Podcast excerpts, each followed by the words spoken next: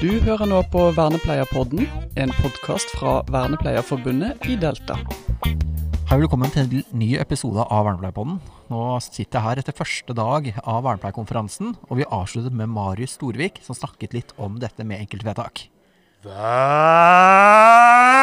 Velkommen til Vernepleierpodden! Jeg heter Marius Storvik. Takk for at jeg får lov til å komme. Jeg bare avbryter og kupper hele greia midt i.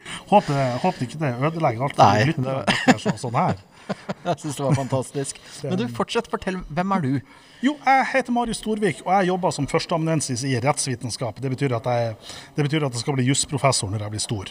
Um, og så har jeg studert masse forskjellig. Jeg har studert litt psykologi og studert litt sosialantropologi og litt medisin og litt forskjellig. Uh, og jobba seks år på en barnevernsinstitusjon.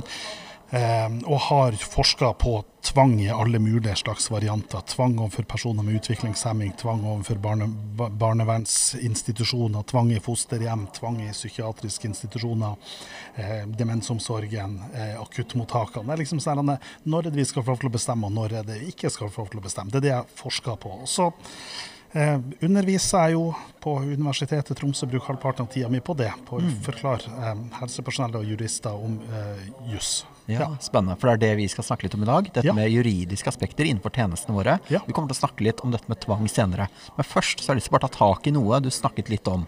Fordi du eh, informerte i ditt fremlegg nå for det første en fantastisk historie og illustrering av dette med enkeltvedtak og litt innhold i enkeltvedtak. Videre så gikk du inn på dette med juridiske rammer opp mot faglige rammer. Mm. Kan du oppsummere det litt for lytterne våre? Jo, fordi at når jeg har prøvd å møte eh, fagfolk og prøvd å snakke om juss, så er det av og til jeg på en måte så, altså, så er jo det jeg gjør som jurist. Da kommer jo jeg inn og så sier jeg dette er lov og dette er ikke lov. Det som jeg er ekspert på på jussen, det er å dra opp grenser for hva som er lov og, og ikke lov. Og når jeg møter fagfolk, så betyr det at da drar jeg opp grenser i forhold til praksisene, og så sier jeg det at den praksisen der, den er ikke lovlig. Og så vil en del fagfolk så oppleve det at ja, men hva sier du at jeg bryter loven? Og så får vi et sånn etisk, og så opplever jeg noen ganger at det blir litt sånn dårlig stemning. fordi at jeg kommer og anklager folk for å være lovbrytere. Og hva er det som ligger til grunn for det? Jo, det handler om at vi har litt sånn ulike perspektiver. Fordi at det mitt perspektiv, og det jeg kommer inn med å si, det er at dette er jussen. Og jussen er jo da som en sånn firkanta, en, en firkanta ramme som sier på en måte tydelig hvor er rammene, hva som, ikke, hva som er lov og hva som ikke er lov. Mens fagligheten, den er jo på en måte mye mer fleksibel og flytende. og det vil på en måte, For det vil spørsmålet om hva er den forskninga man har, hva er det de praksisene man har, hvilken institusjonspraksis er det man har, hvilken eh, kompetanse er det man har, hvilken utdanning er det man har. Så den fagligheten vil kunne være veldig forskjellig. Men så vil vi likevel kunne vite at okay, dette er en god faglighet, og så er det en dårlig faglighet. og Det vil på en måte være gran- grenser her. Men når vi på en måte kommer ut i ytterkanten, og da er vi veldig sjelden på det vernepleieren slår seg sjøl på brystet og sier yes, i dag var en kjempegod dag på jobben. Men hvor vi kommer i de vanskelige situasjonene. Og blir det sånn, ja, men hva kan vi gjøre her i disse etiske, faglige, vanskelige dilemmaene? Og det er da jeg går inn og så sier jeg, ok, men her drar jeg opp en rettslig ramme og så sier jeg at dette er lov og det er ikke lov. Og så vil det være noen ganger hvor jeg vil si at dette er ulovlig, hvor vernepleieren vil da si at ja, men dette er en praksis som tenker vi at det er faglig forsvarlig. Men da vil jeg si at nei, den vil likevel ikke være lovlig av en eller annen grunn.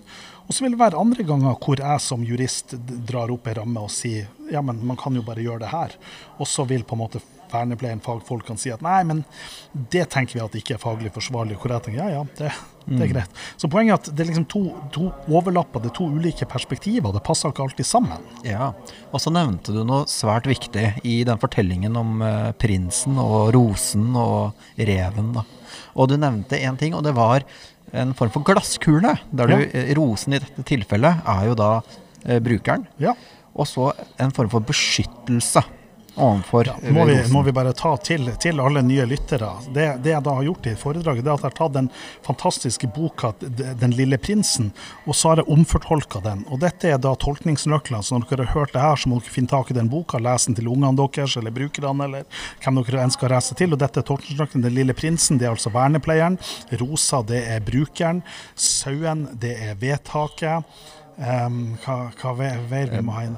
Glassklokka, det er menneskerettighetene. Yes, for det var den jeg ville ta tak i. Ja. For du nevner dette med hva skal vernepleieren bruke? som Yes. en form for argumentasjon når vi Yes. snakker om de tingene. Og da nevnte du grunnlovsparagrafen, paragraf 90, eh, 92. Ja. Og så tenkte jeg bare å spørre litt nå, CRPD-en også. Trenger ikke å gå inn for mye på det, men hvordan skal vi kunne bruke Det får vi ta en annen Ja. episode. Ja, det, jeg bare trykk på, på play på CRPD, men da, jeg har en buss som går, så da rekker vi ikke den om en halvtime. Ja, Yes. men, eh, men, men Grunnloven, altså menneskerettighetene, systemet som fungerer, er jo sånn at um, vi har en, en, en trekant. Så dere ser se for dere en trekant. Der har du Grunnloven på toppen, så har du menneskerettighetene, og så har du lovene, og så har du forskriftene, og så har du dommer, og så får du rundskriv. Og det her er en sånn trekant som da går fra den største vekta til den minste vekta. Og Det betyr at vi må alltid forholde oss til menneskerettighetene som står øverst. Og da er det sånn at menneskerettighetene, altså Grunnlovens paragraf 92, den sier at statens myndigheter skal sikre og respektere menneskerettighetene. Og det her er en kjempeviktig bestemmelse. fordi at hvem er statens myndigheter? Jo, statens myndigheter, det er jo de Altså, Vi kan tenke hvem er statens myndigheter? Er det liksom regjeringa? Er det bare stortingsrepresentantene? Alle dem? Nei. Måten det blir forstått, måten Høyesterett forstår dette med statens myndigheter, så handler det om dem som handler for å oppfylle en lovbestemmelse. Det betyr at når vernepleieren er på jobb, og vernepleieren er på jobb og gjør jobben sin, så er det sånn at de handlingene han gjør for å gjøre jobben sin, det er handlinger som gjøres for å oppfylle en lovbestemmelse. Og Dermed er det sånn at han opptrer da som en statens myndighet i de beslutningene. Og Det betyr at, det betyr at når vernepleieren gjør jobben sin, så skal han også sikre og respektere menneskerettighetene. Og hva betyr det? Jo, for her har vi to ord. Det sikre, og så er det respektere. Og det å sikre, det betyr at det betyr at jeg setter opp et gjerde, så hindrer jeg sauen fra å komme og spise. Altså setter på ei glassklokke. Da sikrer jeg på en måte, da, da, gjør jeg, da gjør jeg, hindrer jeg det fra tredjeperson. Men det å respektere, det betyr også å begrense seg sjøl. Så det betyr at hvis vi tenker oss tilbake til 1950, når vi fikk de menneskerettighetene, og vi fikk den europeiske menneskerettighetskommisjonen som sier at alle har rett til liv. Så en del av den retten til liv, det er det at man da skal eh, altså Da forbyr det staten å ta livet av sine borgere. Det kommer rett etter andre verdenskrig. Det er relevant å ha en regel som sier staten skal gå rundt og skyte folkene sine. Og så går tida, og plutselig så er vi da i, i Tyrkia, vi er på 80-tallet. Og så begynner da de tyrkerne å finne tak i de kurdiske frigjøringshæren. Og så begynner de da å ta livet ut av dem. Og så kommer det da for Menneskerettsdomstolen, så sier Menneskerettsdomstolen fy fy, dere har ikke lov til å ta livet av borgerne, det står jo her. Og Tyrkia sier ja, ja, OK, huff, da skal vi slutte med det. Og plutselig så begynner det å dukke opp sånne maskerte biler, folk med finlandshette bare sprenger ut av bilene og tar folk og kidnapper dem, og de blir aldri mer funnet. Og Det er åpenbart for alle sammen at det er de tyrkiske myndighetene som står bak det. Og så sier de tyrkiske myndighetene ja, nei, det har vi ikke gjort. Og så sier de vi har ikke tatt livet av noen. Men det er da menneskerettsdomstolen skjærer gjennom og sier at ja, men en del av retten til liv, det er ikke bare om at dere skal la være å ta liv. Det betyr også at dere skal sikre menneskerettighetene. Dere skal gjøre aktive handlinger for å beskytte dem. Sånn at i disse tilfellene så spør Menneskerettsdomstolen hva har dere gjort for å etterforske det her. Hvilke aktive tiltak er dere har gjort. Og så plutselig så flyttes det her over inne på institusjoner, for da er vi på Storbritannia på 90-tallet. Og da har du en fyr som heter Keenan, som, som sitter inne i et fengsel og eh, vil dø. Livet hans er kjipt. Fengselsbetjentene vet at han vil dø, de vet at han har det skikkelig jævlig, og de vil på en måte sette i gang alle sine, sine tiltak. Men så jobber de i et system som setter noen rammer for dem. De har ikke mulighet til å gjøre noe som helst, og så ender det opp med at Keenan tar livet sitt. Og så kommer saken opp for Menneskerettsdomstolen, og så sier Menneskerettsdomstolen disse fengselsbetjentene de er statens myndigheter. De jo, handler på jobben sin på oppdrag for det offentlige. De hadde en mulighet til å gripe inn overfor Kinen. Kanskje ikke den enkelte betjent, men innenfor det systemet. De hadde en kunnskap om at livet hans var i fare. De hadde en kunnskap, og de hadde en mulighet til å gripe inn, og de lot være å bruke det. Og så er det da domstolen da gjør, det identifiserer fengselsbetjentene med Storbritannia. Og dermed så sier den at Storbritannia blir dømt for brudd på menneskerettighetene, for retten til liv, fordi at det systemet her ikke ivaretok dem. Og det er klart, og Nå begynner det på en måte å bli overførbart, denne historien, til hva det vernepleieren gjør. Fordi at vernepleieren går på jobben og jobber innenfor et system. Og innenfor det systemet vernepleieren jobber, så skal han da ivareta en bruker. Men hvordan skal han gjøre det? For at systemet sier at ja, men du har så og så mange timer til det, du har så og så mange timer til det. Men så blir det sånn, men hva er brukeren her sine rettigheter? Hva er brukeren her sine menneskerettigheter? Og det er da poenget mitt er det at, at Grunnlovens paragraf 92 sier at statens myndigheter skal sikre og respektere menneskerettighetene. Det betyr at når vernepleieren er på jobb, så betyr det at en del av de rammeforutsetningene som settes, de vil komme lengre ned på det her hierarkiet. Hvis vernepleieren identifiserer og sier at dette er et menneskerettsspørsmål i forhold til brukeren, at hvis jeg gjør ting på denne måten, så vil jeg krenke brukeren sine grunnleggende menneskerettigheter. Og hvis vi er sikre på det, og vi ikke klarer å finne noen andre måter å gjøre det på, så er i hvert fall min forståelse at det gir en handlingsplikt til vernepleieren i noen situasjoner. Og så er det spørsmål hvordan skal vi gjøre det her i praksis, og det vet vi ikke. Men for å komme dit, så er vi først nødt til å komme dit at vernepleierne tør, får en kunnskap om det, og at de tør å ta et ansvar, at de tør å på en måte ta med seg sitt hjerte på jobben, og, og tør å bryte, noen ut av denne grensene og tenke at jeg er på jobb for å ivareta menneskerettighetene. Eh, Hvor mange sagt. penger var det du putta på meg her? Var det, skal det, var eh, to femmere. det var to femmere, ja. Men ja. da går vi videre, for det vi også skal fokusere på, det er det med nødrett. Så kjør på. Putter Ja, jeg på to nye femmere. Ja, nemlig. To nye femmere på nødrett. Oi, oi, oi. Fordi at nødrett det er en av de tingene som jeg syns har vært kjempeinteressant. Vi holdt på med et sånt større forskningsprosjekt om tvang og makt i ungdomspsykiatrien. Og da har vi på en måte besøkt eh, seks, sju, åtte eh, ungdomspsykiatriske institusjoner i Norge og gjennomført sånn dybdeintervjuer med, med ansatte der, og med, med, med altså ledere, og med kontrollkommisjoner, og med brukere. Og, sånn, og vi prøver å få en forståelse ut av hva er det som skjer her. Og så er det som på en måte bare blir klarere, det at vi dukker opp sånne eksempler på at, på at her har du på en måte en forståelse for at vi skal handle i tråd med, med lovene og reglene, men så oppstår det av og til noen situasjoner hvor man sier at ja, men nå må vi bare gjøre det på nødrett. Dette kan vi ikke bare skje, nå må vi bare løse det på nødrett. Og så går jeg inn og så tenker jeg det her er litt rart. Og så går jeg inn og så gjør jeg systematisk søk på Helsedirektoratet sine nettsider, og finner ut at Helsedirektoratet gir en veiledning i forhold til nødrett på masse ulike tilfeller. Kan Man si, man kan bruke nødrett her, og man kan bruke nødrett der. Og så tenker jeg, men hvis det jo er sånn at Helsedirektoratet gir en føring og en veiledning om hvordan man skal løse en situasjon, hva er det da som er så nødsprega med den situasjonen? Og så tenker jeg, det her er jo, et, det her er jo litt rart, at nødrett det handler jo om at vi er i en situasjon som er borte for loven. Vi er i en situasjon som er så spesiell at den vanlige lovgivninga den gjelder ikke. Og det her er liksom et idé et som kommer tilbake fra Thomas og Kinas på 1250-tallet. Og så står vi her, og så bruker Helsedirektoratet nødrett. Så tenker jeg at ja, men er det sånn at de her situasjonene er så overraskende at vi ikke kan at vi ikke kan regulere det. Hva er det som skjer her? Og Så prøver jeg å gå inn og analysere det, og så ser jeg hva er nødrett. Og så ser jeg at nødrett det er jo da en straffrihetsgrunn.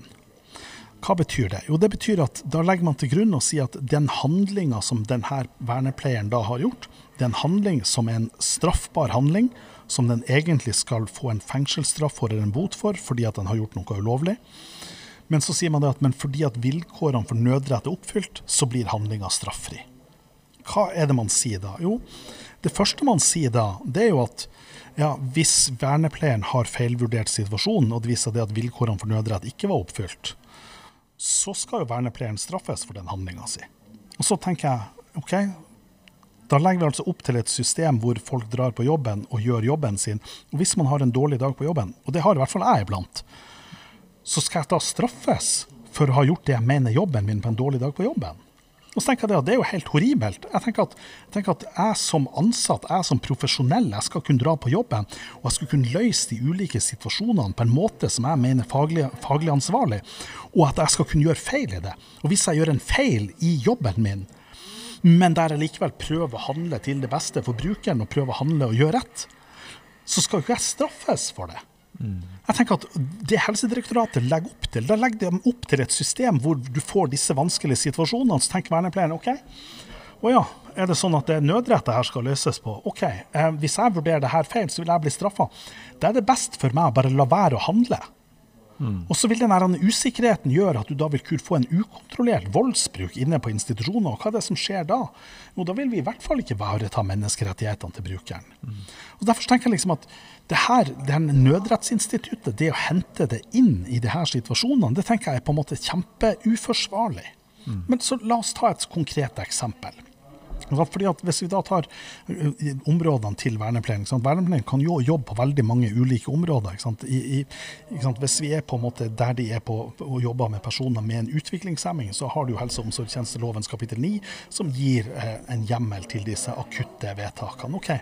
Men hvis vi da har en person med en alvorlig autisme, men ikke en utviklingshemmingsdiagnose, ja, men da kan du ikke bruke kapittel 9. Fordi at kapittel 9 forutsetter en utviklingshemmingsdiagnose.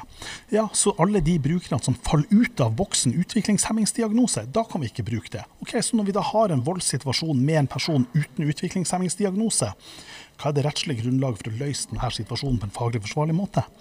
Kapittel 9 kan ikke brukes. Pasient- og brukerrettighetslovens kapittel 4a kan neppe brukes fordi at det vil gjelde for, eh, for, helsehjelp. Og der du på en måte gjør et tiltak av hensyn til tredjeperson, så vil det falle utafor. Eh, helsepersonelloven paragraf, paragraf 7 om øyeblikkelig hjelp-regelen kan neppe heller anvendes, for den gjelder også helsehjelp. Så dette ikke er på en måte definert som helsehjelp, så kan det ikke anvendes. Så er det noen sånne ulovfesta regler om, om, forvaltningsrettslig nødrett, men de reglene om forvaltningsrettslig nødrett dem, dem er det slått fast at de kan ikke brukes der det er snakk om å gjøre et inngrep imot noen. og De aller fleste av disse situasjonene handler om at man skal gjøre en handling i forhold til en person, og det vil være et inngrep. og Da kan man ikke bruke dem. Og Dermed så er det, det legger opp til at nei, det skal man ikke gjøre noe. av. Da skal du enten stå der som privatperson. Og da tenker jeg at det her er faglig uforsvarlig. Mm. Jeg mener helt bestemt at den eneste faglig forsvarlige måten vernepleieren kan løse disse situasjonene på, er å fatte et ulovlig vedtak. Hvis vernepleieren sier at dette er nødrett, da sier man det at ja, men da er den helt for seg sjøl. Og det er ikke bare at vernepleieren da risikerer straff, men det som også skjer da, det er det at, det at hvis man i denne situasjonen påfører brukeren en skade, f.eks., så vil det være sånn at ja, men det var en privatrettslig handling. Men hvis man har påført en skade, og da vil brukeren ikke ha krav på et pasientskadeerstatning. Pasienten vil ikke ha ivaretatt noen rettssikkerhetsgarantier for å vurdert hva man skal gjøre i den situasjonen. Da må brukeren da eventuelt ta ut et sivilt erstatningssøksmål mot vernepleieren. Og det kan man jo åpne opp i disse situasjonene. Men altså, poenget er at også for brukeren så er det uholdbart. Men også for oss som system så blir det sånn at ok, hvis du skal bruke nødrett, så kan vi jo heller ikke gå inn og styre det her. Vi kan ikke kontrollere det her. Da har på en måte lovgiver bare forlatt skuta og sier ja, bare gjør hva dere vil. Eh, tut og kjør sånn som dere sjøl vil. Løsninga på det her det er at vi er nødt til å fatte disse vedtakene. Ja, vi står i en sånn her situasjon. ok, Brukeren har ikke en utviklingshemming, ja. Men jeg fatta et vedtak etter kapittel 9, og så får statsforvalteren heller si at ja, det vedtaket var ugyldig fordi at personen ikke hadde utviklingshemming. Ja, OK. Men hva har jeg gjort når jeg fatta det vedtaket? Jo, jeg har skrevet det ned. Jeg har sikra brukeren en klagerett. Jeg har løfta det opp for statsforvalteren. Jeg har ivaretatt meg sjøl som arbeidstaker på jobb. Jeg har ivaretatt alle hensynene, bortsett fra statsforvalteren som står der og sier å nei, eh, lovgiver som jeg jobber for, har visst ikke laga til gode nok regler. Og Poenget er at når vi bare tar det her på nødrett, så svekker vi alle andre i systemet. Og vi beskytter lovgiver, vi beskytter departementet som har laga til for dårlige regler. Så derfor, folkens, dere er nødt til å gjøre sivilt opprør i her sakene. Dere er nødt til å fatte alle disse vedtakene. Og så må vi heller bare tolerere at vi har fatta noen ulovlige vedtak. Så blir det sånn, ja, da må heller statsforvalteren forklare. Ja, jeg hører du si vedtaket er ulovlig. Kan du fortelle meg hva da skulle gjort? Så skal jeg gjerne gjøre det her. Fordi at jeg innser at jeg er et menneske som gjør feil, som alle andre. Og når jeg gjør feil i jobben, så må jeg mulighet til å, til å få dem retta opp. Og må, du må komme med den veiledninga. Men du kan ikke gi meg den veiledninga når jeg handler på nødrett. Mm. Ja. ja. det er uh... Sånn, det var en, det var en rent. Men det er en fantastisk uh, godt forklart uh, situasjon, for det det påpeker, er egentlig et form for rettssikkerhetssvikt overfor ja. både de som mottar tjenester og yter tjenester. Ja. Og det er jo det siste avsluttende spørsmål før bussen din eh, går. Det er jo tror du tvangsbegrensningsloven og endring av diagnosekriterier eventuelt kan være en god start på veien?